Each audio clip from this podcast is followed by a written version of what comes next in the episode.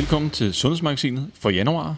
Og øh, i Sundhedsmagasinet, der samler vi op på de mest øh, interessante nyheder, der er i, i måneden. Og øh, sammen med mig i studiet, der har jeg som altid OL-guldvinder, træningsfysiolog Eskild Ebbesen. Velkommen til. Tak for det. Og hvis folk ikke kender dig, så får du lov til at øh, præsentere dig selv lidt mere om et split kunst. Men inden da, der vil jeg lige fortælle, hvad er det, vi skal igennem? Hvad er det for nogle nyheder, at øh, vi har udvalgt øh, til den her podcast her? Og jeg synes faktisk, at vi har et, et, rigtig øh, spændende program. Vi starter med at kigge på øh, ældre og øh, træning med hensyn til hukommelse og forebyggelse af, af demens. Øh, super spændende.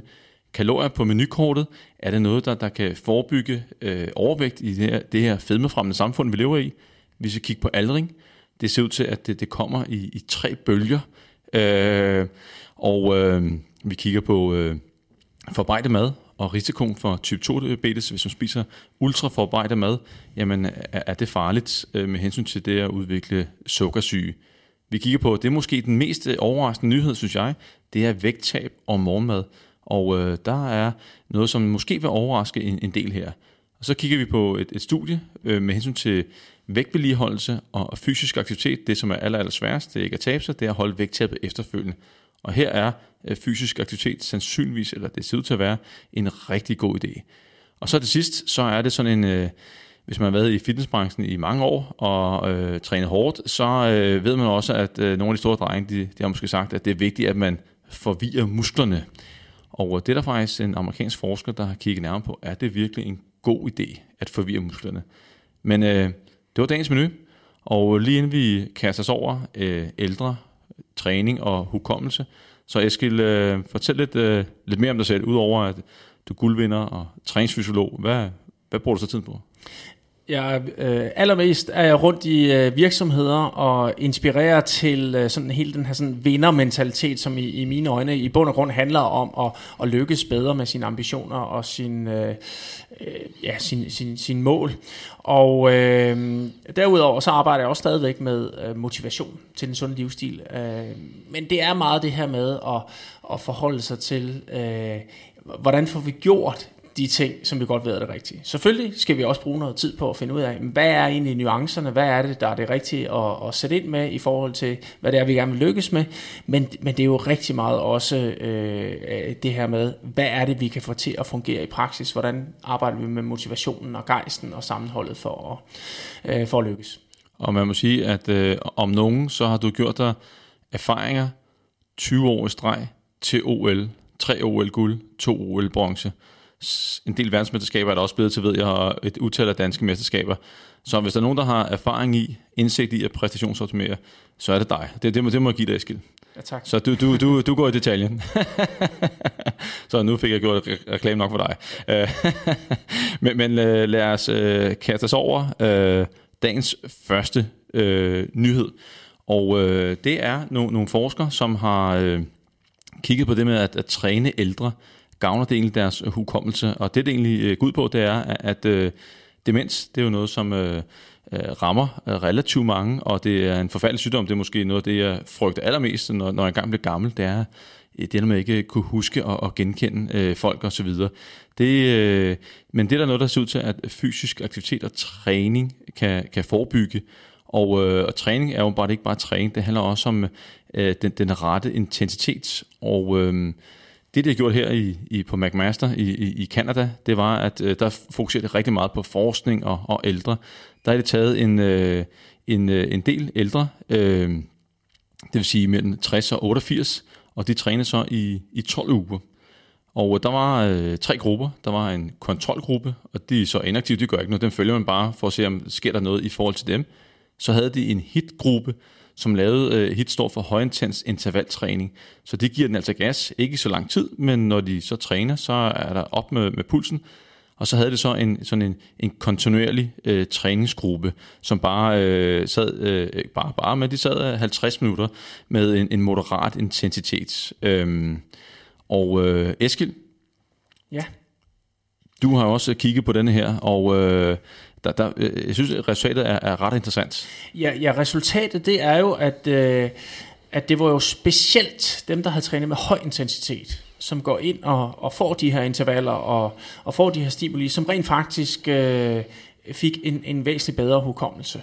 Øh, øh, og, øh, og det er jo altså værd at tage med, øhm, fordi man tænker, når man øh, ældre, øh, så skal man måske bare lige passe lidt på med, hvor meget øh, gas man giver den osv. Men, men øh, det var faktisk her, hvor man virkelig så en effekt øh, på deres hukommelse, når man, øh, når man målte dem og testede dem på det.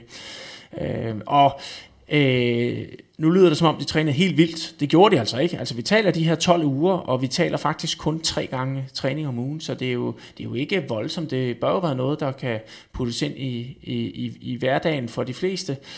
Øh, men, øh, men det har altså en, en, en, en rigtig, rigtig god effekt på, på hukommelsen. Ja, og, og det som de også så en, en sammenhæng mellem, det var, at øh, dem, der klarede sig bedst i de der hukommelsestest, det var dem, som har fået den største fremgang i formen. Og øh, vi ved jo, at, at øh, intensitet, når vi taler konditionstræning, det er altså øh, en super vigtig faktor for, for fremgang. Så er intensiteten ikke øh, høj nok, jamen, så sker der ikke noget øh, på konditionen.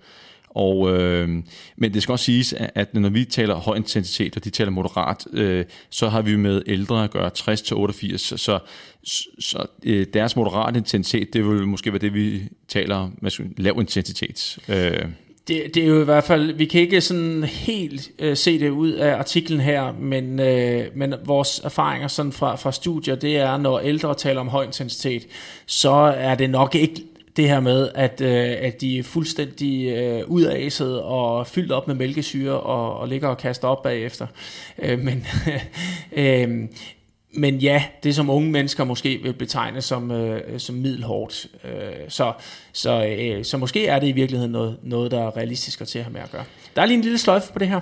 Yes, det er jo, at øh, øh, det er måske ikke nyt for nogen, at når man dyrker motion, og specielt med høj intensitet, så, så øh, så har man tidligere gået meget op i det her BDNF, altså Body Derived Neurotrophic Factor, som er øh, brain, øh, brain, derived, brain derived ja. neurotrophic factor, som, øh, øh, som jo er med til at stimulere til øh, bedre kommunikation mellem cellerne og, og øh, og også øh, forstørrelse af hippocampus, som er typisk der, hvor vi har øh, langtidshukommelsen. Øh, Øh, men det, der var lidt interessant ved det her, det var, at man kunne faktisk ikke rigtig måle nogle, nogle forskelle i, øh, i, i niveauerne af BDNF. Så de har altså fået hukommelsen, selvom man ikke rigtig har kunne, kunne spore det. Så, så, så, så det, der er lidt interessant, det er, det her, vi, vi kan se, at motion og, og høj intens, øh, intensitet, det virker, men vi har endnu ikke sådan den helt øh, endelige forklaring på, hvorfor.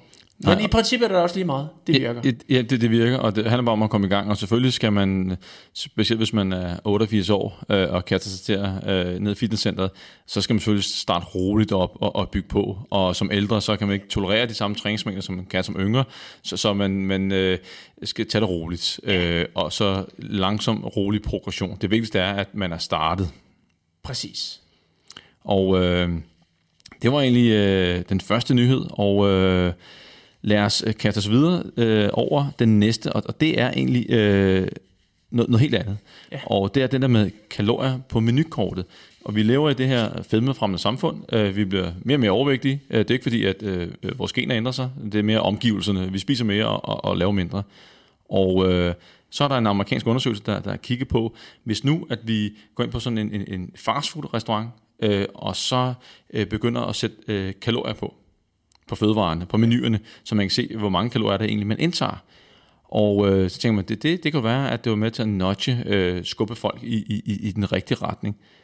Og øh, de har altså kigget på 50 millioner restaurantbesøg på godt 100 forskellige fastfoodsteder i det sydlige USA. Og øh, så tænker man, øh, ja, det, det, burde, det burde det hjælpe. Jeg ved da, når jeg har været inde i en, en øh, det må jeg sidst jeg husker, det var en, en Starbucks, og så tænker jeg, skal jeg lige have et, et, et stort stykke kage til kaffen. Så stod der 600 kalorier. Øh, jeg tager en, en kiks i stedet for. ja. det var måske lidt i overkanten, de 600 kalorier, men man kan sige, det, det virkede for mig. Men, men her, der, øh, altså, i starten, der reducerede deres menuer med, med 60 kalorier. Så det siger, det virker, men 60 kalorier skidt. Ja, det, det, det er jo altså ikke voldsomt. Øh, altså man kan sige, hvis du skærer et stykke kage fra på 600 kalorier, det er fair nok at tænke, okay, det vil så sige, at, at øh, den der løbetur på 7-8 øh, km, den, den sætter jeg over styr ved at, at lige sidde og nyde den der stykke kage i, i 5 minutter. Øhm, så kan man godt være, at man tænker, ah, det er altså ikke det værd. Øh, øh, hvorimod 60 kilo, øh, kalorier, ah, der, det, det, det, det, øh, det er ikke, jo, det giver 3 kilo på et helt år, øh, hvis, hvis man sparer de 60 kalorier hver dag. Ja, og men, men jeg, jeg tænkte, da, da jeg så den her undersøgelse lige overskrift, så tænkte jeg, jamen okay, så i stedet for at gå all ind på øh, den store Big Mac-menu med milkshake og så videre, så kunne det være, at jeg tog en... Øh, øh, gjorde måske gjorde milkshaken til en, til en sodavand, som var sukkersøde, og så har jeg sparet 500 kalorier. Altså, øh, det, det var noget, der, der, der rykker med, med 60 kalorier. Og det, som, som jeg også var lidt overrasket over, det var, at øh, over tid, der, øh, der forsvandt den der effekt af, af kaloriemærke. Så de, efter et år, så, så spiser folk stadig det samme. Og da, da vi talte sammen om uh, undersøgelsen i, i går aftes, jeg, skal, jeg ikke om du husker, hvad du sagde Jo, til mig, præcis, ja. men, men, men der havde du faktisk en, en, en meget god pointe. Ja, altså øh, man kunne jo spekulere i, at når man går på restaurant, øh, og man måske ikke gør det øh, så ofte, så har man det også sådan lidt, altså nu er jeg på restaurant her øh, øh, tre gange om året, altså det er altså ikke der, jeg gider at kigge efter kalorier. Øh, jeg kommer for at nyde maden og hygge mig, og, øh, og så glemmer jeg lidt det der tal, der står der. Øh, og det giver jo egentlig god mening, fordi det er jo ikke de tre gange om året, øh, at man skal at man måske skal kigge på kalorier. Det er jo til hverdag. Øhm, Præcis. Så, så der er jo nok en hel del mennesker, som, som måske godt kan have den tilgang, at øh, ja, hvis jeg går på restaurant, så, så, så, så er det altså ikke lige der, jeg skal kigge på, på kalorier. Nej, og, og det er jo heller ikke alle, der går ind på en fa- fastfood-restaurant, der, der er måske interesseret i at, at tabe sig, interesseret i at spare på kalorierne. Og jeg ved da også selv, at, at når jeg øh, ryger på burgerbar, og jeg ved, at jeg skal ud med drengene om, om aftenen, og vi skal ud og have en burger, nogle pomfritter og så, og, og så nogle øl, ja. så, så, så, så sparer jeg faktisk op. Ja. Det vil sige, at øh, jeg spiser lidt mindre i løbet af dagen, og så, så vil jeg ikke øh, holde mig tilbage, når, når jeg er ude, så skal der nyde det i fuld drag. Og så er der også være, at jeg må lige må give en ekstra skalle dagen efter, lige for at få kompenseret. Så, øh, så skal vi så bare droppe det her, Eskild, eller hvad? Virker det? Øhm, altså man kan sige, at, at det man i hvert fald kan sige, det er, at det er måske vigtigere andre steder end på, øh, måske på, på restauranter. Øh, fair nok på et eller andet McDonald's, øh, hvor der måske er mange, der handler lidt oftere. Øh, øh, dem, dem, der handler der, så der, der kan det give god mening, at man lige bliver mindet om det her. Øh, men det er lidt sjovt med motivation, ikke? Altså det virker jo, altså man kan sige, de 60 kalorier i gennemsnit, øh, her har jeg jo også taget dem med, som er ligeglade. Øh, så man kan sige, på den måde, der virker det. Men, øh, men, men over tid viser det så også, at, at det, det bliver vandet lidt ud, og det er jo sådan, motivation fungerer. Det er, at øh, øh, noget, der virker i starten, det kan godt æble lidt ud, når vi taler motivation. Man skal, man skal lave ind og lave ændringer, man skal ind og lave øh, justeringer osv. for at holde, holde folk i ilden. Øh, så, øh, så jeg synes, at, at, at øh, vi bliver nødt til at gøre et eller andet, som du starter med at sige, det her fede med fremmende samfund, at, øh, at vi tænker i nogle, nogle, nogle indsatser øh, og bliver klogere og klogere på, hvad er det, der virker, og hvad er det, der kun virker i en periode, og hvad er det, der ikke virker. Jeg, jeg tænker egentlig også, nu øh, ved jeg ikke, hvor tit øh, den gennemsnitlige bruger øh, gik her øh, går på fastfood-restaurant, men hvis nu var øh, i kantinen på arbejde, hvor man spiser hver dag, at der var en, en trafiklysordning, rød, gul, grøn, eller der stod mange kalorier, altså her, så, er det, så er det hver dag, at, at de bliver påvirket, øh, så vil det måske have en, en større effekt, fordi der tænker man måske over på daglig basis, skal jeg spise sundt, og så er man nede i kantinen, hvorimod er man på fastfood, fastfood-restaurant, jeg skal ud have en burger, så, så er det måske et andet scenarie motivationsmæssigt. Øh, så, øh, så jeg, jeg tror stadig på, at, at mærkning i, i de rigtige steder øh, kan gøre en, en, en forskel. Præcis. Altså, jeg vil også vurdere, at øh, det, det vil være øh, endnu bedre og mere relevant i en kantine, man kommer til daglig. Ja, og selvfølgelig løser det ikke problemet. Altså det vil være utopi at tro, at bare mærkning øh, i en kantine eller på restauranter vil løse øh, verdens øh, overvægtsproblematikker. Men, men det, det kunne være en, en del af løsningen, en lille del af løsningen. Så skal man også arbejde på andre fronter. Øh, men det er jo en anden snak. Præcis. Nå, Eskild, du nok om øh, kalorier på menukortet. Altså, jeg skal høre, Eskild, inden vi går videre. Hvis du går ind på en, øh, en burgerbar eller en, kaffebar, eller, og, og du skal have noget ekstra at spise til kaffen, vil, vil du rette efter det? Øhm, jeg vil sige, at jeg har prøvet begge dele. Jeg har prøvet øh, den der indstilling, hvor man siger, åh, oh, nu er vi ude med drengene, og vi skal have en burger, og, øh, øh, og, og så så er det ligesom, så skal vi hygge os, og så ryger øh, kalorieregnskabet øh, Sydpå. ja, så ryger det, det, det er noget, der foregår inden og efter. Ja. Øh, men der er jo også de situationer, hvor, øh, hvor man lige pludselig ender på et eller andet spisested, fordi man skal have noget mad. Øh, og og, og, øh, og, og der, der, kunne jeg, der, vil jeg, der går jeg op i det. Ja. Øh, og se, Nå, jamen, altså, vi skal have noget mad, fordi at, øh, nu er vi tilfældigvis ude, eller vi er på ferie, eller et eller andet. Øh, jamen, der, der vil jeg rette mig efter det. Yes. Øh, yes. Okay, jamen så nu går vi videre.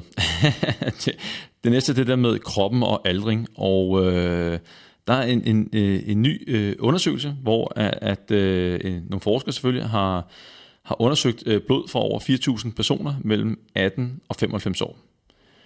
Og øh, det de fandt ud af ved at kigge på de der blodprøver og nogle specielle proteiner i blodet, det var, at øh, altså, tidligere så troede man, at, at, øh, at det der med ældes, det var bare sådan en lineær ting, det gik stødt og roligt nedad i, i samme tempo, og kroppens forfald. Men her i, i, er noget, der tyder på, at det sker i bølger, og i tre bølger. Øh, den ene, når du er 34 år, 60 år, og den sidste som 78-årig, hvis man lever så lang tid. Og øh, jeg vil sige, øh, det, det, det, man bliver altid klogere, og altså, jeg kan ikke se sådan, jeg har virkelig prøvet at tænke over, giver det her mening sådan øh, for naturens side af, at man skal ældes i tre bølger? Øh, måske, øh, men hvad, hvad, hvad tænker du, når du, da, da du læste undersøgelsen? Ja, jeg, jeg synes virkelig, det er sjovt. øh, og vi talte jo også om, altså det sker, altså, som du sagde, 34 og ved 60 og ved 78, der, øh, der sker nogle ændringer af proteinerne i blodet, har man kunne analysere. Og vi har prøvet sådan at tænke tilbage til 34, 34. Hvad skete der der? Blev, kunne vi mærke noget dengang? Øh, jeg, jeg, jeg må sige, at øh, jeg, jeg mindes ikke lige, at der skete noget specielt lige, da jeg blev 34, hvis jeg skal være helt ærlig. Ja, men du sad vel også i båden og, og rodede om OL-medaljer. Gjorde du ikke det? 34? Øh, øh, lige netop da jeg var 34, der var øh, øh, der, rode, der havde jeg haft øh, to år, hvor jeg havde trænet meget, men ikke roet på eliteplan, men skulle til at starte op igen. Men man kan så sige, som øh, 36-årig, der var du to OL. Så det er jo ikke sådan, at du har fået et, øh, et gok i nøden. Nej, det, det, øh, nej, det mener jeg bestemt ikke. Så det er ikke sådan, at du, du, ikke, du, ikke, du har ikke mærket det, uh, nu var det ekstra svært. Nej, det, det, det har jeg... Øh, nu var jeg til OL, da jeg var 40 år også, og, øh, og kunne jo godt fornemme, at, øh, at det var at blevet en lille smule sværere at nå den helt samme form. Øh, altså sådan lidt, lidt tanken om, at omdrejningstælleren gik i rødt en lille smule tidligere, øh, og, og at, at der skulle en ekstra seriøsitet til at få at, at holde det samme, det samme niveau. Øhm, så, så, så der kunne godt fornemme, at der var sådan et eller andet på vej, men, men nu har jeg jo fortsat med at træne og, og, og præstere, og øh, altså min fornemmelse er, at det, det kommer lidt snigende. Øh, jeg har ikke helt kunne mærke de der bølger. Øh. Nej, jeg, jeg vil sige, at øh, nu er jeg også øh, lidt over øh, 34 år gammel, og øh, jeg, vil ikke, jeg, jeg, jeg prøver også at huske tilbage. 34 år, mm, der skete ikke noget. Det gik egentlig meget godt. Øh, men jeg vil sige, at, at øh, da, da jeg blev øh, omkring en, en 3-44 år, der, øh, der lagde jeg mærke til noget af, at øh, min, altså sådan overbelastningsskader øh, i småtingsafdelingen, det, det regnede ind over mig fra den ene muskel til den anden. Altså det, det var, og så øh, en ting er også, jeg synes, at det gik langsomt med at komme tilbage i form, men det var mere det der med, at øh, jeg synes hele tiden, at øh, der skulle ikke særlig meget til, så, så, så begyndte jeg sådan at, at få ondt de, de, de forskellige steder. Øh, og det er jo ikke fordi, at, at øh, nu har jeg selvfølgelig ikke været på topniveau som dig, men hvis du kigger på sådan noget som min styrke i, i de forskellige styrketræningsøvelser, så har den ikke ændret sig. Øh, man kan jeg våge på at stå, at jeg som 46-årig øh, kan tage det samme, som dengang jeg var, var, var 34 eller øh, 30 for den sags skyld. Men, men øh, det der med, med skaderne, det, det, det har jeg virkelig lagt mærke til, og jeg skal øh, forsøge at vende mig til en, det er rigtig, rigtig svært, skulle jeg sige, at vende til en ny virkelighed, at, at øh, jeg skal altså lige skrue lidt ned for intensiteten, øh, og ikke mindst øh, progressionen i volumen, når jeg, når jeg skal tilbage igen. Ja. Øhm, men sådan havde du det også lidt, eller hvad? Hvem dig Ja, og skader? ja, ja, er det jamen, noget, du bliver, øh, bliver præget af nu? Øh, Ja, jeg fornemmer også, at, øh, at, øh, at jeg skal være mere forsigtig med, med, med progression og, og gå over grænser. Og, øh, og når jeg lige får en eller anden overbelastning, øh, eller, eller det sted er skadet, så, så er, tager det også lige lidt længere tid for at, at komme over det. det. Jo, det er jeg begyndt at mærke, men det gjorde jeg ikke, der over 40. nej. Så øh, den der bølge ved, ved 34 år. Det var, det, var, det var lille skulp. Ja, ja, ja. det, var, det var ikke nogen tsunami, der, der, der kom ind for højre. Øh, men, men, men jeg tror helt sikkert, at hvis vi kigger ud i fremtiden, øh, så kommer der endnu mere af, af det her. Fordi det der anti-age ting, det, det, Altså en ting er, at det har stor kommersiel interesse, fordi der er så mange penge i det. Hvordan kan man holde sig ung? En anden ting er også, hvordan kan man forebygge sygdom, der, der er aldersrelateret. Øh, fordi vi, vi ved, at øh, vi bliver flere ældre, øh, som tiden går. Jeg sad og kiggede på nogle, øh, det var bare i Danmark, nogle øh, tal øh, fra Danmarks Statistik, og kunne se, at øh, det, var, det var mange tusind inden for de næste 10 år, som, som er oppe i en helt kategori, der hedder, vi, vi kalder gamle. Og, øh, og hvis de ikke kan klare sig selv, og hvis de er blevet for svage, jamen, så kommer du til at... En ting er, at de, de, der er noget livskvalitet, der går ned, men det kommer også til at koste samfundet rigtig, rigtig mange penge. Ja, fordi det er jo øh, en af de ting, vi udvikler os rigtig meget på, det er jo øh, medicinering og, og hvordan øh, vi, skal, vi skal overleve med sygdommen. Øh, og, og, og derfor så øh, øh, øh er vi jo i virkeligheden i stand til at, at blive ældre og ældre, men måske ikke at være mere og mere agile. Der skal vi altså sætte ind med, med fysisk aktivitet og, og træning. Øhm, og der er også lige en lille sløjfe på den her øve, øh, øh, øh, undersøgelse, hvor man har gået ind og kigget på de her øh, proteinændringer, og specielt i, i, i, i blodet. Øhm, der er noget med Alzheimers. Øh. Præcis, altså øh, eksempelvis det her med, at det, øh, grundlæggende har det jo været for at kunne spore øh, sygdom tidligere i livet. Øh, eksempelvis Alzheimer, som når man begynder at se konsekvenserne, så er det, så er det ligesom for sent at gøre noget. Øh, hvorimod får man det at vide på et ret tidligt stadie, som man kun kan måle i blodet, jamen så kan man altså begynde at gøre de her indsatser, og, og blive, i hvert fald blive bevidst om, at øh, man eksempelvis øh, skal dyrke motion og øh, prioritere nogle andre ting for at, at undgå, at, øh, at sygdommen kommer til at, at udvikle sig. Ja, og i, i fremtiden er faktisk også en anden, øh, hvad skal vi sige, øh, en anden ting, som også vokser, det er jo det der med, at man kan måle på sig selv.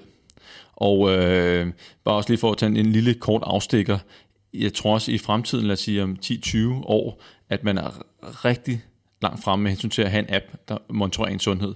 Allerede nu kan du få en, øh, en, en, en, et plaster, en, en, en form for nål, du sætter i armen, øh, op i skulderen, øh, og så kan du måle dit, dit, dit blodsukker real time. Altså, du kigger på appen, hvad med blodsukker nu? Nu spiser jeg, hvordan stiger det?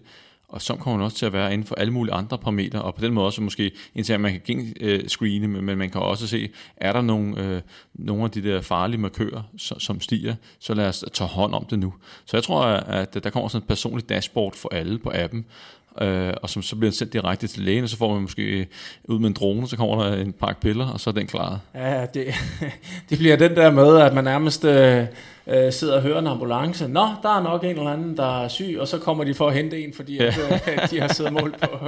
ja, det er den der Minority, Minority Report med Tom Cruise, hvor de kunne forudsige, øh, hvad der kommer til at ske med kriminalitet. Så sådan gør det. Det er jo helt sikkert, at det, det kommer til at ske. Øh, øh, præcis, altså at, at vi jo netop øh, som der også bliver beskrevet her i artiklen, vi kan se nogle ting i blodet lang, lang, lang, lang tid før man kan mærke konsekvenser af det. Yes. Som, som eksempelvis Alzheimer's. Og øh, det leder mig lidt over i, i en anden øh, nyhed, som er med, og det er lidt øh, det, det, det er fra USA, hvor at, øh, at de har kigget på øh, en masse øh, patienter, ældre øh, patienter, faktisk øh, 432.828 unikke patienter, hvor de har taget de ældre, og så er det inddelt med efter, hvor, hvor svage de var. Og øh, så er det også kigge på, okay, når det så fik en operation, øh, så sad det faktisk og, og holdt øje med, hvor mange døde efter en, en lettere operation, en moderat, og så selvfølgelig en, en mere sådan øh, hæftig operation. Og så kiggede de 30, 90 og 180 dage efter en operation. Og øh, det var jo ikke overraskende, at øh, jo mere svag du var, jo større var risikoen for at dø efterfølgende. Og, og øh, det kan måske virke overraskende, at, at, øh, at selv sådan en, øh, de snakker om øh, en gallebær, altså en galleblære-operation, at, at den rører sådan en, en moderat karakter, med hensyn til, hvor hård operationen er for kroppen, at, at der, der, der var nogen, der havde svært ved at hvad skal vi sige, holde sig selv i live 30 og 60 og 90 dage efter. 180 dage efter, sorry. Hvad, hvad, hvad tænker du om det? Det er jo super interessant, at, at, at man lige sætter lidt ind på det her øh, fordi man har måske en tendens øh, i forhold til operationer at tænke lidt statisk. Altså øh, ved den her operation, der er der den risiko, Øh, men, øh, men man har måske ikke været så dygtig til at holde det op imod, jamen hvad er det egentlig for en patient, jeg har med at gøre? Øh, og resultatet viser jo netop, at øh, jamen, hvis du er øh, ældre og, øh, øh, og bliver karakteriseret som en af dem, der er svage ældre, jamen så er risikoen bare langt højere. Og måske skal man så lade være med at lave operationen, fordi at øh, øh, konsekvenserne af at, at leve med eksempelvis øh, øh, den sygdom, eller det man skal opereres for, er, er, er mindre end, end, end simpelthen det at blive opereret. Og der kan man sige, at, at øh, der kan man så tale om et, et, et kraftigt fald i, i livskvalitet. Hvis du går rundt med problemer med, med ledene, så øh, de, de taler også om øh, udskiftning af knæled, øh, at det ryger sådan en, en, øh, en, øh, hvad skal vi sige, en øh, moderat karakter med til operation. At, at øh, det, så meget tager det heller ikke på kroppen, men det tager alligevel noget, at man så må sige nej til sådan en, en knæoperation, fordi man, man, kroppen bare ikke er stærk nok, fordi det, det tager jo på kroppen øh, ressourcer at, at, at blive opereret. Øh, og øh, altså, Jamen, og budskabet er jo grundlæggende øh, lidt som at gå igen nogle gange, kan man godt sige. Øh, det er jo, at, at, øh, at man skal gøre, hvad man kan for at undgå at ryge den her øh, kategori af, af svage ældre. Og det, og det er jo typisk noget, man kan forebygge med, med fysisk træning, øh, styrketræning, øh, konditionstræning, bevægelighedstræning, øh, altså alt, som, som gør dig agil langt op i alderen. Ja, det handler om, at, altså uanset alder, det er aldrig for sent at starte, og det handler bare om, lige så snart man kan, få sat i banken, og, og, øh, og så bygge så meget op som overhovedet muligt. Og det er klart, at i, i de yngre år, der er det nemmere at, at bygge muskelmasse og en, og en bedre kondition. Og det gode ved, at man så, når man så har bygget den op, jamen, så er det, det er nemmere at holde den ved lige, end det er, at man skal starte helt fra scratch af, og, og, så, og, så, og, og så bygge op. Og øh, jeg lader mærke til, at efter sådan en, en galleblæreoperation, hvis man tog af dem, som var øh, de mest svage patienter, efter en galleblæreoperation, så var der en, inden for den første måned, så var der en 19% forøget risiko for at dø efterfølgende af en galleblæreoperation. Ja, så kan man jo sige, det er jo en, en, en voldsom procentsats. Og 43 efter 180 dage. 43 procent. Ja, altså det risiko, giver meget god risiko. mening. Ja. Det giver meget god mening at opdage det her, øh, fordi og sætte fokus på det. Ja, præcis. Hvis, hvis man hvis man vidste at risikoen for at dø var så stor, så havde man nok valgt at, at ikke få lavet operation. Ja, og altså, man, man kan sige, at øh, det er noget, der kommer til at ramme os alle. Vi bliver jo alle sammen ældre. Og øh, jo ældre vi bliver, jo større er risikoen for, at vi får en sygdom, øh, jo større er risikoen for, at vi skal opereres for et eller andet. Og ud på denne her er du så bare ikke øh, klar, selvom du på papiret øh, har øh, sunde blodtryk og blodprøver og hvad ved jeg, øh, at du ikke fejler noget. At det rent faktisk øh, kan tage livet af dig, bare fordi at, at du er øh, for svag.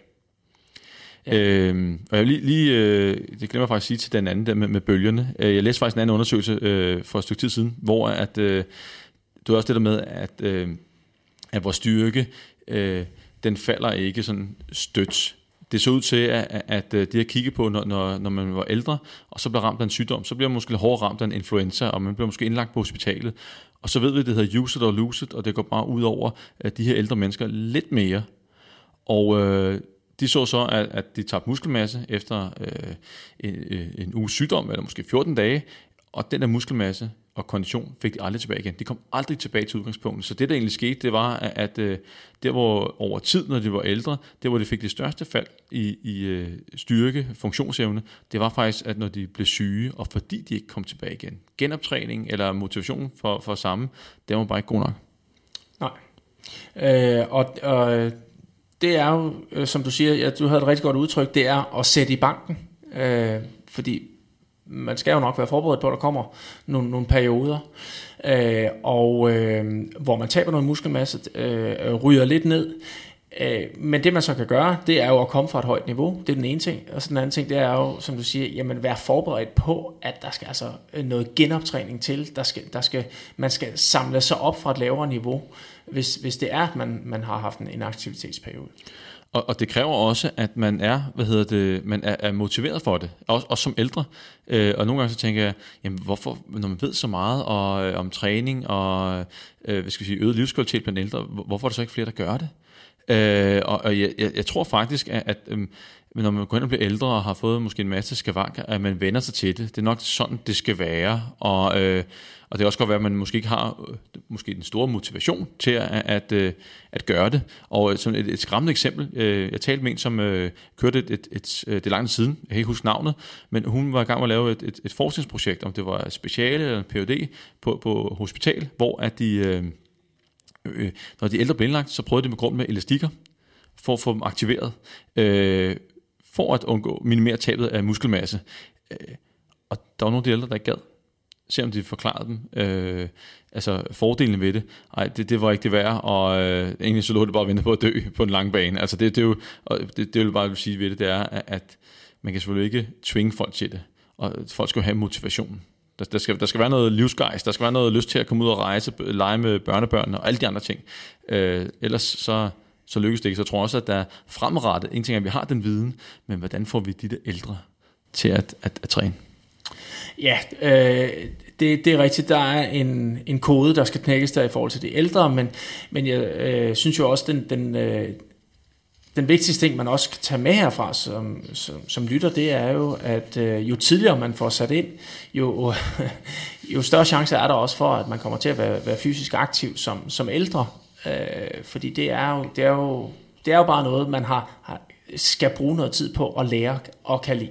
Ja, og, og det, igen, det er jo ikke for sent at gå i gang. Aldrig nogensinde. Min far, han startede med at dykke fitness i en alder af 79 år. Og ja. det har man tænkt på, det er jo umuligt med sådan en søn som mig. Men, men, men øh, han startede i en alder af 79 år, og det har han aldrig fortrudt. Nej. Så, øh, Det er det, virkelig stærkt. Ja, der er aldrig nogen, der har fortrudt, at de kommer i god form. Heller ikke, når man er blevet ældre. Nå, det var nok om øh, ældre i den her podcast her, og øh, hvad skal vi sige, muskler og øh, operationer og alle de ting. Nu skal vi til at kigge på noget, som selvfølgelig øh, interesserer meget, det øh, mange meget, for det her område her, det er type 2 diabetes og ultraforarbejdet mad.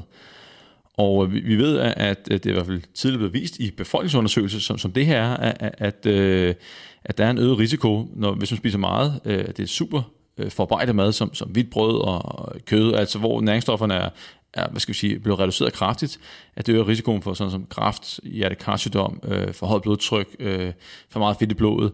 Øh, men der mangler jo bare lidt på type 2 diabetes den såkaldte tidligere såkaldte gammelmandssukkersyge. Og i den her øh, befolkningsundersøgelse, der har det kigget på lige over 100.000 deltagere, og fulgt dem over, øh, jeg tror det var øh, 6 år i, i, i snit. Og ikke overraskende, så var der jo en, en øget risiko for øh, øh, type 2 diabetes, hvis man i, i takt med jo mere af det her mad, man spiste.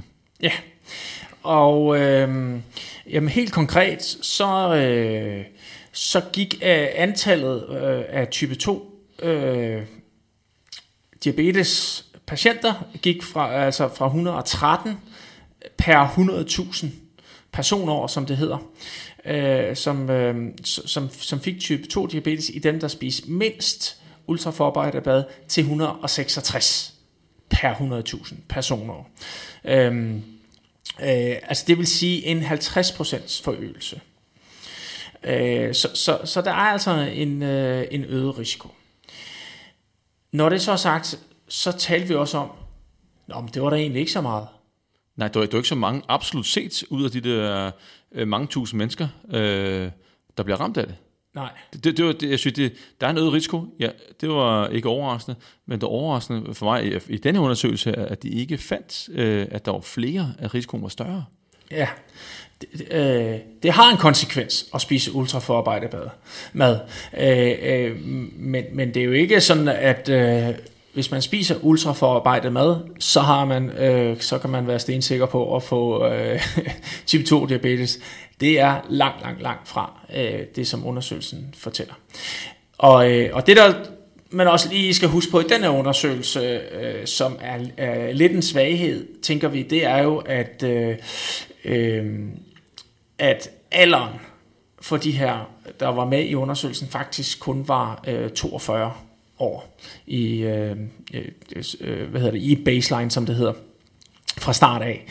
Øh, og, og det er jo typisk lidt, øh, lidt længere op i alden, at vi ser en stor øh, hyppighed for øh, type 2 diabetes. Øh, og derfor vil man måske også kunne lave, altså øh, øh, bedre se konsekvensen af det her. Øh, det, det er sådan den ene ting. Det er, den, den anden ting, som, som jo også øh, på en eller anden måde forklarer, at man ikke ser en større stigning end cirka 50% forøget risiko for type 2 diabetes ved at spise meget ultraforarbejdet mad i forhold til hvis man spiser lidt ultraforarbejdet mad.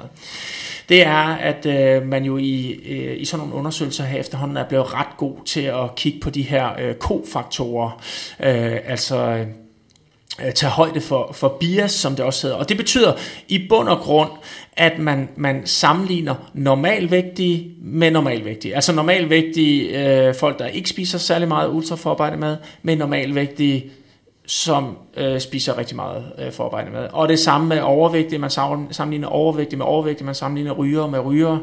Øh, og, øh, øh, og grunden til det er interessant, det er jo, så får man jo kigget på øh, lige nøjagtigt effekten af den ultraforarbejdede mad. Fordi hvis man kun lige kiggede på, Nå, okay, øh, hvilken sammenhæng er der mellem øh, øh, det at ikke spise ultraforarbejdet mad og spise rigtig meget ultraforarbejdet mad? Så vil man typisk se en, en lang, lang højere stigning, fordi dem, der også spiser øh, meget ultraforarbejdet mad, de øh, øh, dyrker måske også mindre motion, øh, øh, er, er øh, typisk mere overvægtige og, og så videre og så videre, som gør, at, øh, at de også vil have en, en, en klar øget øh, risiko for, for type 2 diabetes. Ja, og man kan sige, at, øh, at, at, at øh, uanset hvad, så vil vi jo aldrig nogensinde anbefale nogen at, at spise øh, altså ultraforarbejdet mad. Altså, en gang imellem, det, det skader jo ikke, men, men det der med, at det, det er en, en hovedkomponent. Øh, men også fordi, at vi har været inde på det der lidt, lidt forarbejdet, lidt, måske en anden størrelse tidligere, fordi vi jo kigget lidt på juice. Øh, det må også sige er jo en form for forarbejdet mad, øh, hvor, hvor vi så også så med de der flydende kalorier, der var altså også noget risiko her, øh, og der har man taget frugterne og, og forarbejdet dem, og, hvor man havde, der var næring, nogle næringsstoffer øh, eller, og kostfiber, som så var blevet udladt, og det så ud til at at, at gøre en forskel. Men igen, Jamen, det... Øh, eller også hele processen med, at man får øh, juicen ind som flydende kalorier, som gør, at kroppen responderer anderledes øh, på det i forhold til... Øh, øh, ja, altså du, du, du får ikke fiberne, du får, øh, øh, du får et højere blodsukkersvar og, og så videre og så videre, som, som jo så i bund og grund viser, at det havde samme konsekvenser som nærmest hvis man drak sodavand. Yes. Så øh, man kan sige, at øh, samlet set, så jo mindre forarbejdet maden er, øh, desto bedre. Det kan man sige. Det kan man godt sige, ja. Øh, men, men det er også lidt interessant, at... Øh, at, at øh, øh, man, man kan sige, man, man kunne også godt gå hen og, og konkludere, at, øh, at øh, ja, nu har vi kigget på ultraforarbejdet mad, men, men, men nogle af de ting, som man kan gøre aller, allermest for at undgå type 2 diabetes, øh, det er jo altså at holde sig normalvægtig, og aller, aller, aller vigtigst, det er at være fysisk aktiv. Præcis. Fordi lige netop type 2 diabetes, gammelmandssukkersyge, det er jo altså øh, øh, insulinfølsomheden, som bliver stærkt trænet i takt med, at man forbedrer sin fysiske form. Og jeg tror også, at øh, nu står der også endelingsvis i den her artikel her, at øh, der også er fundet en fin sammenhæng mellem en øget risiko for hjertekarsygdom og øh, den her type mad. Men hvis du også her holder vægten og er fysisk aktiv, så er jeg sikker på, at man også, selvom man spiser ultraforarbejdet mad, at man kan reducere risikoen betragteligt for hjertekarsygdom, hvis man så også holder vægten og, og er fysisk aktiv. Øh, så det, man skal altid huske, øh, se det i det store billede, øh, er du fysisk aktiv, holder du vægten, så er du altså rigtig, rigtig langt. Præcis. Øh, og, og det man jo i hvert fald også godt kan bruge det lidt til, det er sådan lidt den her tanke om, at øh, når man, jeg spiser jo meget, meget sundt, derfor kan jeg godt lade være med at dyrke fysisk aktivitet. Øh, og det, det, kan, det kan altså ikke kompensere for det, i, i forhold til når du kigger på sådan den overordnede risiko for livsstilssygdom. Og, og man, man kan se, men, men, men omvendt kan man sige, er der måske en større effekt? Ja, men også det med, hvis du lader være med at være fysisk aktiv. Øh, nu er vi begge to træningsfysiologer, så vi er jo selvfølgelig øh, super farvet her, men, men, men, men det der med, at vi jo lige taler om at blive svag som gammel. Altså, du kan ikke øh, spise dig til større muskler. Altså, du er nødt til at gøre noget for at holde de der muskler ved lige hen over alderen, øh, og det samme med, med, med konditionen. Øh, så øh, der, der skal altså ske noget. Og vi ved også, at den næststørste dræber i Danmark, den der slår flest folk ihjel, absolut set, det er inaktivitet. Øh, så, så det er bare om at komme i gang. der, der, er så, der er så meget at vinde. Der er virkelig så meget at vinde. Eskil, vi skal videre til det er bare mit bud. Jeg tror, det er som måske, øh, jeg vil ikke sige overrasker flest, men, men øh, det var det, jeg tænkte, aha, øh, det var da lige godt uh, interessant. Uh, og det er den med morgenmad og vægttab. Og der er kommet en såkaldt uh, øh, en metaanalyse og et review ud på, på nogle øh, spændende undersøgelser, der er lavet. Og indtil videre, så har, har der jo været sådan, at mange siger, okay, hvis du skal tabe så skal du huske at spise morgenmad. Morgenmad er det vigtigste måltid på dagen, og så videre, så videre.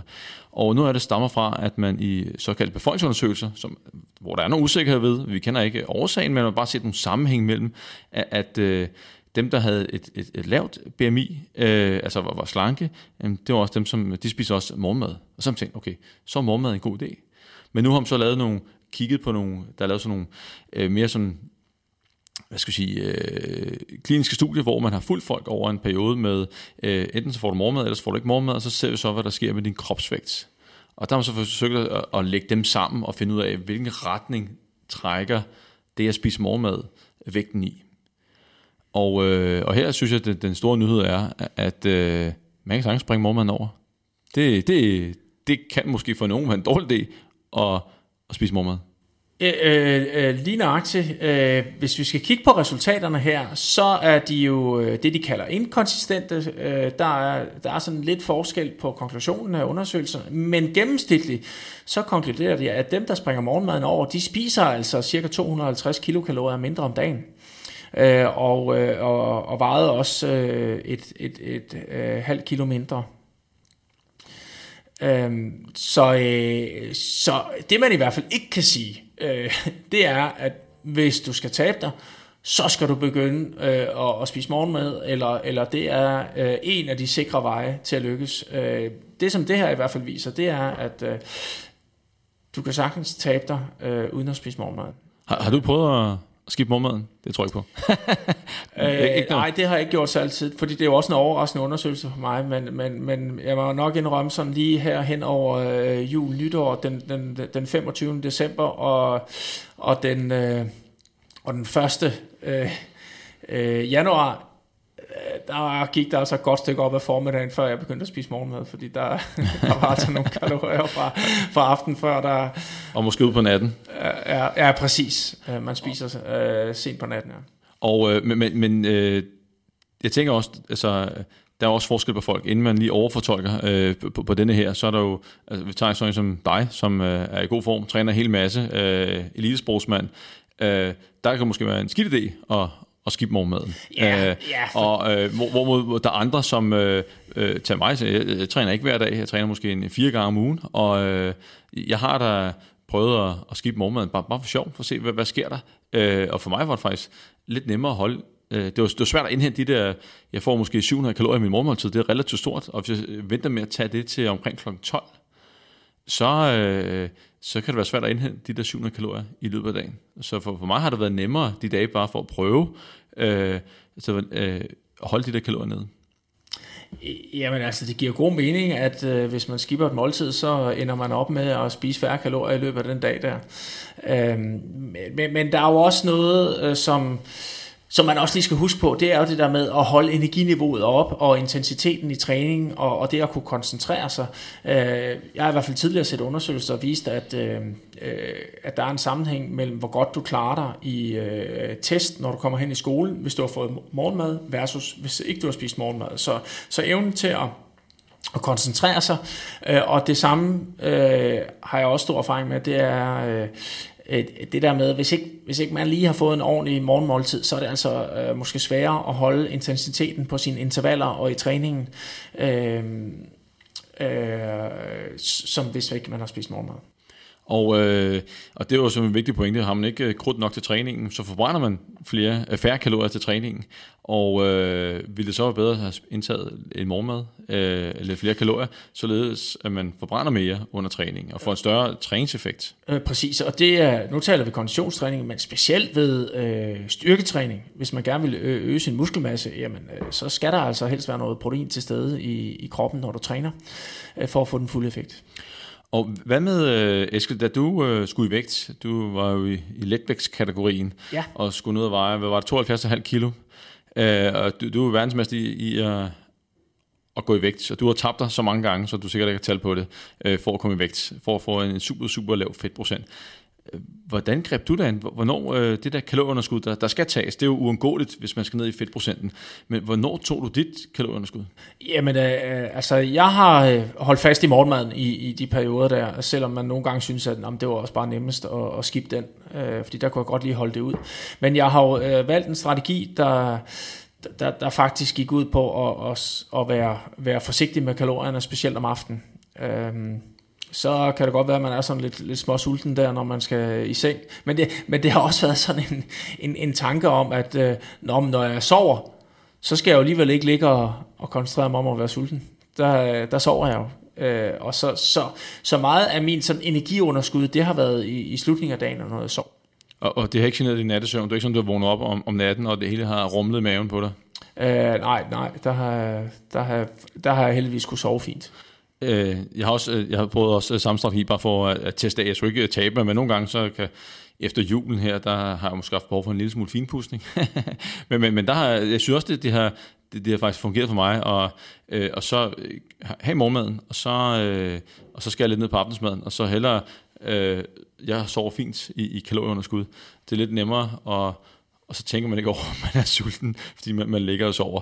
Men selvfølgelig er det et problem, hvis man stopper om natten, og det ødelægger ens nattesøvn, at, at, at man er sulten. Så skal man nok lave en anden strategi. Og jeg tror også, at hele, hvad skal vi sige, humlen her, det er jo, at, at hvis man lige skal runde den af, det er jo, at, at øh, det, handler om kalorier, hvis du skal tabe dig. Det handler om at være kalorieunderskud. Og så handler det om at finde en måde, der fungerer bedst for en med hensyn til hverdagen, øh, øh, på jobbet, når man, når man skal træne. Og øh, det, vi bare vil understrege her, det er, at øh, det er ikke noget, umiddelbart ikke øh, et råd, man skal give til folk. Du skal huske at spise mormad, fordi at det, det hjælper dig med vægttabet. Det er ikke sikkert. Nej, øh, øh, lige nøjagtigt. Øh, og, og i forhold til vægttabet generelt, som du siger, jamen øh, det er jo en balance mellem at være i kalorieunderskud, men også at, at få energien i hverdagen til at, at, at, at lykkes med de øh, forpligtelser, man har, og de krav, man har, og de ting, man gerne vil leve op til i sin, i sin hverdag. Øh, og det kan, det kan faktisk være en ret svær balance. Ja, så, så, det... så øh, for os lige at runde den af, og i forhold til min træning, altså... Øh, jeg kan da huske, at jeg også prioriterede at, at ligesom få øh, lidt flere kalorier, hvis jeg skulle lave intervaltræning osv., men vidste jeg, at der var et forholdsvis let træningspas, ja, jamen så var det måske også der, hvor jeg sådan skar ekstra hårdt ned på kalorierne, for at tænke, jamen det skal jeg nok, det skal jeg nok klare på, på få kalorier. Ja, så summa summarum, den bedste kostplan, det er den, der bliver efterlevet. Så find ud af, hvad virker bedst for dig, og have ikke dårlig samvittighed over, hvis det virker bedst for dig, at skip morgenmad. Nå Eskild, der er to tilbage. Øh, og næst sidste her, det er lidt om, øh, vi er i samme boldgade med, med vægttab, og det er fysisk aktivitet og vægtvedligeholdelse. Og øh, her det, det er sådan en, en anden type studie. Vi har jo haft øh, sådan et, et befolkningsundersøgelse, hvor man har øh, fulgt folk over længere tid og kigget på sammenhænge. Er der nogle sammenhæng? Ikke nogen sådan deciderede konklusioner, årsager. Øh, og så har vi kigget lidt på, øh, hvad skal vi sige, sådan kliniske studier, hvor man, man kigger på, har det her en effekt, og så følger man folk over, øh, lad os sige, 12 uger. Her der har vi så et, et såkaldt øh, tværsnitsstudie, hvor man har sammenlignet øh, tre forskellige grupper mennesker, Øh, den ene gruppe, det er nogen, som har, øh, har holdt vægttabet. De har tabt en, en hulens masse kilo. Jeg tror, det var, øh, uha, nu, der må lige hjælpe mig, 26 kilo, øh, som ja. de har holdt i, i gennemsnit i 9 år. Vi taler altså om nogen, der har haft, øh, gjort det umuligt. De har tabt en masse kilo og formået at holde det. Det er den ene gruppe, og så har man nogen, som er normalvægtige og har altid været og vejer det samme som dem, som har tabt sig. Og så har vi nogle overvægtige personer, som man så også sammenligner med. Og øh, så sammenligner man, kigger man på, hvor fysisk aktiv er det i fritiden. Og øh, hvad observerede du der, Eskild? Øh, jamen for lige at, at rise op, hvad det er, man har målt. Man har målt øh, på, øh, som du siger, øh, hvor meget energi har man forbrugt ved at være fysisk aktiv. Og så har man også kigget på, hvad har det ligesom deres totale forbrænding været. Og øh, øh, resultaterne, de er, de er ret klare. Øh, både de, øh, de, de fysisk overvægtige, men også de fysisk normale, de dyrkede øh, væsentligt mindre fysisk aktivitet, end, end dem, der havde været overvægtige og havde holdt vægten. Øh, altså i, i rundetal, så, øh, så brugte øh, dem, der havde tabt sig og holdt vægten, de, øh, de, de forbrændte øh, i gennemsnit øh, cirka 800 kilokalorier øh, i gennemsnit per dag. Mens... Og det er jo inklusiv alt. Det er jo, det er jo ikke kun træning, det er jo hverdagens småbevægelser, det er træning. Ja, så man kan og, tro, at de, de har lige givet den gas en time, og så, så er det det. Men, så det er jo ikke sådan, at de har været super fysisk aktive. Øh, nej, fordi øh, 800 kilokalorier i gennemsnit per dag fra træning alene, det vil være meget træning. Ja. Øh, hvorimod at øh, dem som øh, de andre to grupper, altså de overvægtige og, og dem der altid har været overvægtige og dem der mere eller mindre altid har været normalvægtige, jamen de øh, øh lå omkring 600 kilokalorier. Så der er altså et plus på øh, et par hundrede kilokalorier per dag, som, som øh, de forbrændte ekstra ved fysisk aktivitet. Øh, og, øh, øh, og det er jo også det, når jeg sådan tænker, hvad har der ellers været af, af, af konklusioner, at det er, det er et vigtigt element i at, at holde vægten, specielt når man har været overvægtig, som du er inde på. Altså, det, der, det, du bliver nødt til at holde fast i et eller andet. Øh, det er en livsstilsændring, øh, og en af livsstilsændringerne, øh, jamen, det er at få motion ind i dagligdagen. Og det er jo også, har vi set fra idrætsfysiologien, jamen, jamen motion er sultregulerende. Man har simpelthen en, en bedre fornemmelse af, om man har spist for meget eller for lidt. Den kan godt forsvinde lidt, hvis ikke man er, er fysisk aktiv. aktiv. Plus det, det fungerer også som, som en, en form for, for buffer.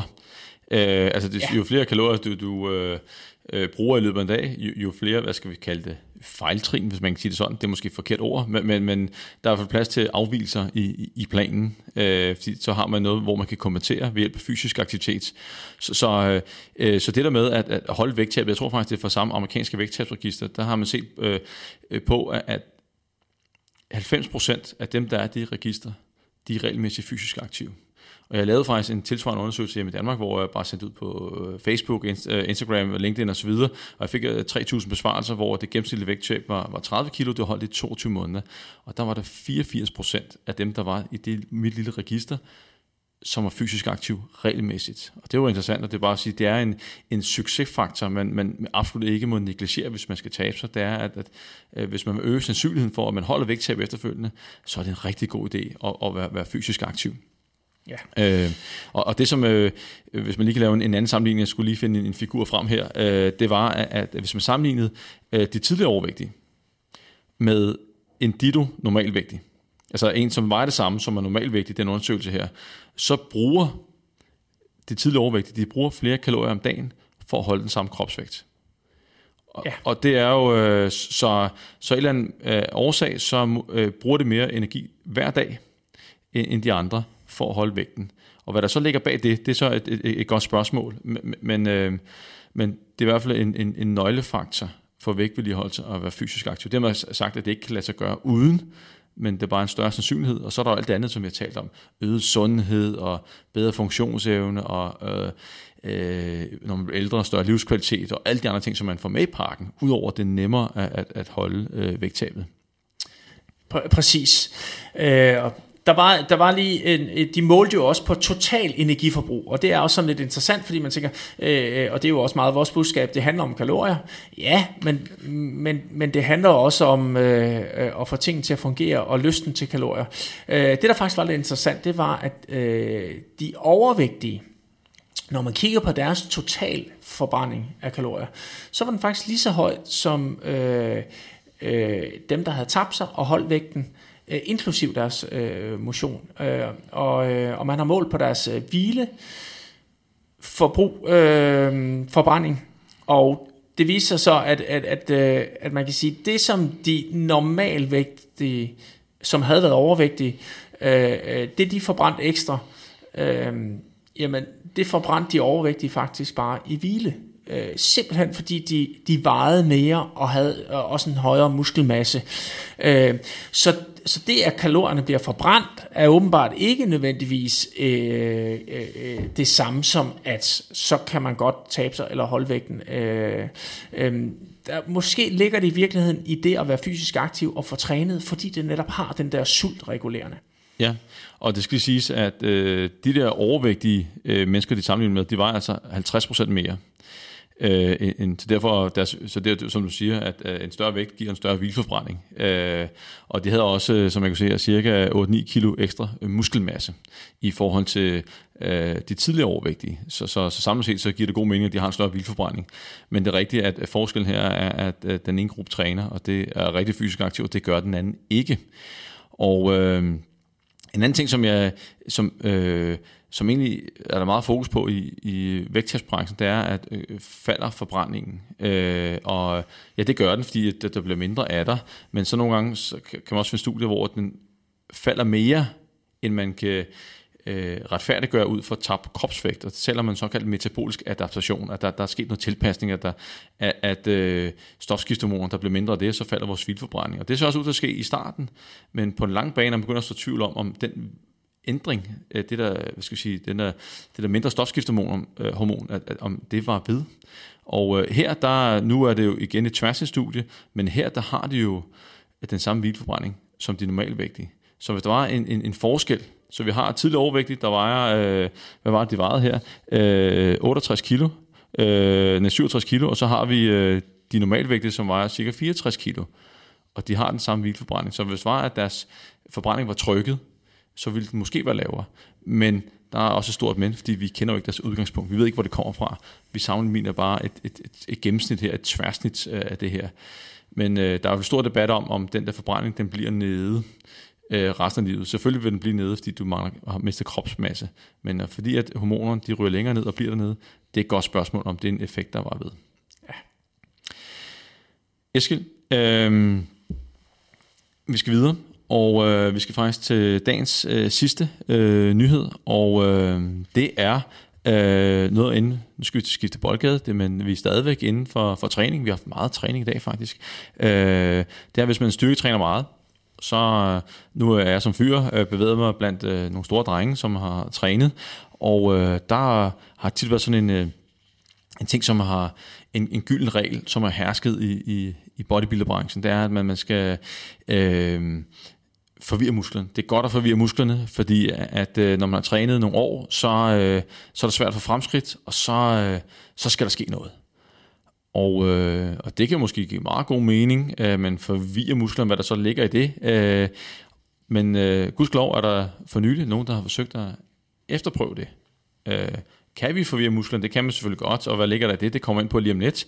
Øh, men, men giver det så et bedre resultat? Og, øh, og øh, det, det har gjort her, det er, at jeg har taget nogle øh, unge mænd, øh, som er vant til styrketræning. Jeg tror, deres gennemsnitlige styrketræningserfaring eller historik, det, det er to år. Og så bliver det sat på et, et, et 8 ugers træningsprogram, og det er et to-split-program. Så de træner fire gange om ugen, overkrop en dag, underkrop den anden dag. Og øh, den ene gruppe følger bare et fast program. Det er det samme øvelser, øh, samme rækkefølge, der bliver ændret lidt på, på reps over tid. Men, men det er det. Det er sådan den, den traditionelle. Så tog det en anden gruppe, som... Øh, også trænede fire gange om ugen, havde overkrop og underkrop, men så havde de sådan en app, der ligesom blandede kortene og rystede posen. Øh, så hver gang de, de trænede, så var der et, et, et nyt træningsprogram med nye øvelser. Så, så der var ikke noget, der, der var fast her. Så man kan sige, her der blev, hvis man vil sige det sådan, øh, hvis jeg bruger udtrykket forvirret, der var i hvert fald en kæmpe variation i, i, i træningen, så der var ikke noget, der var det samme. Og så kigger man efter 8 uger, Eskild. Hvad skete der så? Øh, jamen, der skete fuldstændig det samme. og det skal sige, at en vigtig point, det var, at volumen i træningen var den samme. Så det løftede lige meget ja. over de otte uger. Ja, præcis. Øhm, så, så de har fået det samme stimuli øh, i princippet over, over de her otte uger, og, og, øh, og ja, og det var altså det, kroppen reagerede på. Øh, at, øh, at de simpelthen fik øh, ja, den samme fremgang. Øh, det, der er lidt interessant også, øh, som jo også har været en del af ideen med studiet, det var at kigge på motivationen. Øh, og, øh, og hvorfor er det vigtigt? Jamen, øh, det er, kan man sige, man er jo motiveret, når man er med i en undersøgelse, og, og man har nogle, nogle øh, mennesker, som er interesseret i en, og følger op på en, og, og spørger lidt ind til, hvordan går det, og har du fået lavet din træning osv. Ja, det virker, øh, øh, må vi sige, øh, som gør, at man får lavet sin træning. Men hvad med bagefter? Øh, så er der jo en eller anden form for øh, motivation og, og, og vilje, der skal, der skal drive en øh, fremadrettet. Og øh, man har så... Øh, øh, valgt at kigge på intrinsic øh, motivation, altså øh, den indre motivation, som er sådan lysten, grund, den grundlæggende lyst til sådan at, øh, at træne og, og spurgt ind til det undervejs. Øh, og der konkluderer man altså, at i dem, der har fået den der randomiserede øh, træning, at øh, de fik en større fremgang i øh, indre motivation. Men men ja, øh, og det var det, vi sådan undrede os lidt over. Det var jo, at dem, der havde fået det, det faste program, de har også startet på et højere øh, øh, motivationsniveau. Øh, hvorimod, at dem, der har fået det blandede program, øh, det randomiserede program, jamen, øh, de startede på 4,6 øh, og ender på 5,1. Øh, hvor øh, øh, dem, dem, der har fået det faste program, de startede på 5,3 og endte på øh, 5,1. Så man kan sige, de ender samme sted, men har haft et, et, for, et forskelligt udgangspunkt. Og det vil man jo typisk sætte, sætte, uh, sætte hårdt ind på som en, en, en fejlkilde i sådan en, uh, sådan en undersøgelse. Men, men uh, sådan hele tanken er jo reelt nok, det er at tænke motivation ind i træningsprogrammet. Fordi en ting, det er, hvad man kan måle over otte uger, hvor man bliver superviseret, man bliver fuldt og, og, og, og målt, og, og det er opstart og så videre. Men en helt anden ting, det er, hvor meget får du trænet, når, du, øh, når det hele showet stopper. Øh, for eksempel et år efter, er du stadigvæk i gang. Det var det, der kunne være sjovt at kigge på her. Ja, og, og man kan sige, at øh, en ting er, om du bliver ved. Det er en ting, men man ved også, at alle, der har prøvet at være til en træning, der er mere motiverende, så ja. giver man den også en ekstra skalle. Det vil sige, at øh, øh, træningskvaliteten, den, den, stiger jo også, og dermed så får, kan man måske øh, løfte en større volumen til træning, eller hvis du er med konditionstræning, så kan man løbe nogle flere kilometer med høj intensitet, øh, og, og så videre, så videre. Så, så motivation er jo altafgørende for succes. Lige nok. Det kunne have været sjovt at, at, at, øh, at lave en follow-up øh, på de her, og, øh, og se, hvor mange trænede et, et halvt år efter, og, og hvor gode var de så. Præcis. Så hvis man lige skal runde den af her, så øh, altså motivation er vigtig, så øh, om man forvirrer musklerne eller ej, det er sgu lige meget. Man skal gøre det, som man har lyst til. Øh, det, der bare er vigtigt her, det er, at volumen i træning er den samme. Øh, så hvis vi skal have større muskler, jamen, så er volumen... Volumen og nummer, belastning. Ja. Det, det, det, det, det, det er nummer et. Og så øh, kan man så variere den, øh, så tosser man vil. Men det der med at forvirre musklerne, nej, det, det, det er der måske ikke så meget i. Man skal gøre det, hvis man synes, det er sjovt. Det er i hvert fald ikke skadeligt at gøre. Og man skal huske, at det her det, det er for folk, som er relativt veltrænet. De har trænet to år. Hvis det var for nybegynder, øh, så tror jeg også, det har været lige meget. Men, men der er selvfølgelig noget med at lige at lære øvelserne, og, og når man er ny. Øh, det kan, der kan være nogle udfordringer der. Men summa summarum, det der med at forvirre musklerne, det er der ikke så meget i. Og Eskild, vi er faktisk ved vejs ende, og øh, er, er der noget, øh, du får lov til at, at tænke, er der noget, som du har tænkt, det, det, var, det, var, det var sgu det mest interessante undersøgelse. Jeg, jeg har faktisk to. Øh, den ene, det er øh, den med ældre og operationer. Hvis du simpelthen ikke er, er stærk nok, så, øh, så kan relativt små operationer kan koste livet. Så det handler om at, at forberede sig, det var den ene, og, så, og den anden, det er altså den med morgenmad og, og vægttab. Fordi jeg har været i den her vægttabsbranche i, i lang tid. Og øh, selvfølgelig har jeg altid vidst, at, at kalorier, det, det er en... Øh, det, det er nummer et, at man skal være kalorieunderskud. Men det med at få folk til at gøre det øh, dag ud og dag ind, og hvis man så skipper morgenmaden, det betyder ikke så meget. Nej, øh, præcis, og øh, øh det, det er faktisk lidt det samme, jeg har i tankerne, men, men jeg synes bestemt også det her med, at øh, øh kalorier på menukortet, øh, kan, det, kan det tage lidt af, af charme ved at gå på restaurant, at øh, åh, nu har man øh, øh, for eksempel øh, i, til en eller anden speciel fødselsdag, eller et eller andet, oh, nu, går, nu går vi lige ud og spiser os og hygger os, og, øh, og, og, og det skal man næsten have lov til. Øh, og så kan stemningen måske godt blive lidt ødelagt af, at man lige ser, at, øh, at den i virkeligheden... Øh, øh, at man, man overskrider øh, kaloriebudgettet helt vildt. Øh, der er man måske hen i, at øh, jamen, måske var det ikke lige der, det skulle være, men det handler jo om dagligdagen. Det er faktisk en rigtig god pointe. Jeg tror faktisk, hvis- jeg fik valget, hvis jeg skulle ud med drengene, have en burger, øl, se noget fodbold, hvad det nu måtte være, og jeg fik valget mellem at øh, gå ind på en restaurant, som øh, ikke har nogen kalorieanvisning, og så en, som, som har, så vil jeg tage den øh, uden kalorieanvisning. Ja. Og det er simpelthen fordi, jeg, jeg gider ikke at sidde og have dårlig samvittighed, hvis, hvis jeg skal ud og hygge mig og have det godt med drengene. Det er noget andet i hverdagen, i kantinen, eller hvor man nu er. Men når jeg skal ud og have en fest, så vil jeg skulle have en fest. Præcis. Det er hverdagen, der er det vigtigste. Yes. Eskild, det var simpelthen det. Og endnu en gang øh, en milliard tak, fordi du gider at dukke op og forberede dig til det her og komme med øh, nogle super fine input. Selv tak, og endnu en gang en fornøjelse. Og øh, tak til alle jer, der har lyttet med. Vi høres ved. Hej.